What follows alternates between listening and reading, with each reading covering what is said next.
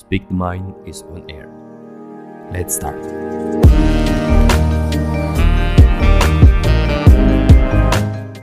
Bismillahirrahmanirrahim Assalamualaikum warahmatullahi wabarakatuh Selamat pagi, siang, sore, atau malam Selamat datang di Melisankan Pikiran Sebuah podcast yang mengajak kamu untuk saling bertukar pikiran Dari hal-hal yang mungkin sempat terpikirkan Dan sesekali penting untuk dibicarakan Bersama saya, Gilang Mukti Rukmana Hai, lagi sibuk apa nih?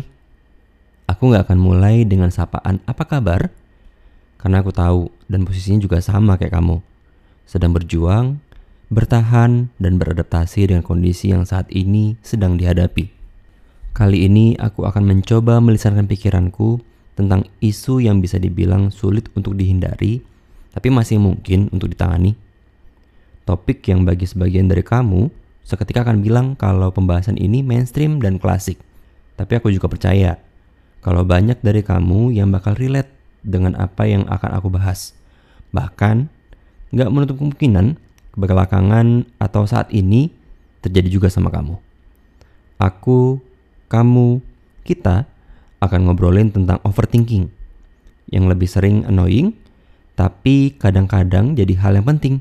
Kok bisa? Oke, udah siap? Kita bahas sama-sama ya.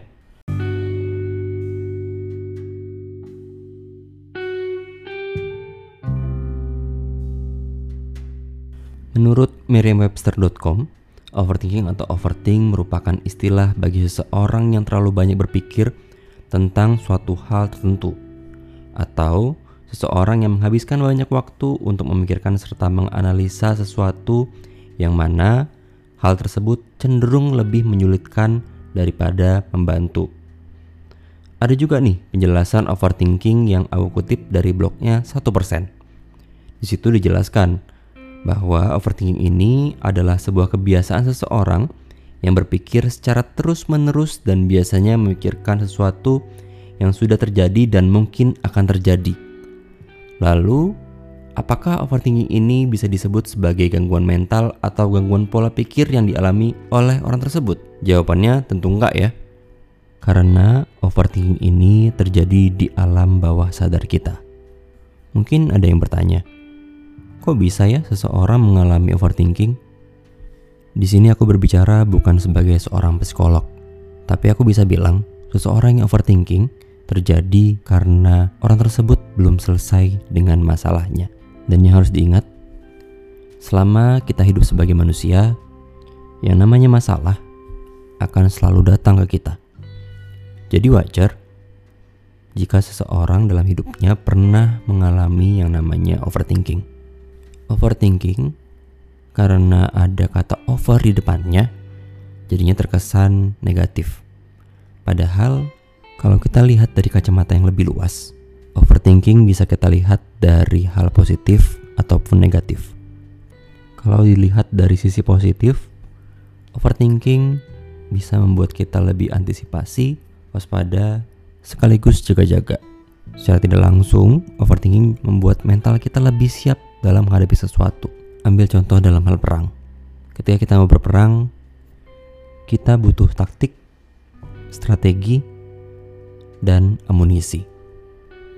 Taktik dan strategi kita butuhkan supaya kita bisa menang dari musuh kita.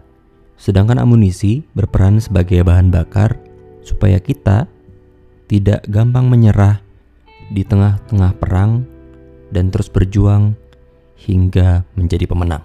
Sama halnya ketika kita menjalani kehidupan. Kita butuh berbagai taktik dan strategi untuk bisa bertahan hidup dari mulai plan A, plan B, sampai mungkin plan Z supaya kita bisa menyiapkan berbagai alternatif dalam menghadapi berbagai ketidakpastian dalam hidup. Tentunya kita juga butuh amunisi. Amunisi terbaik kita adalah mental, jiwa, dan tubuh yang sehat serta kuat.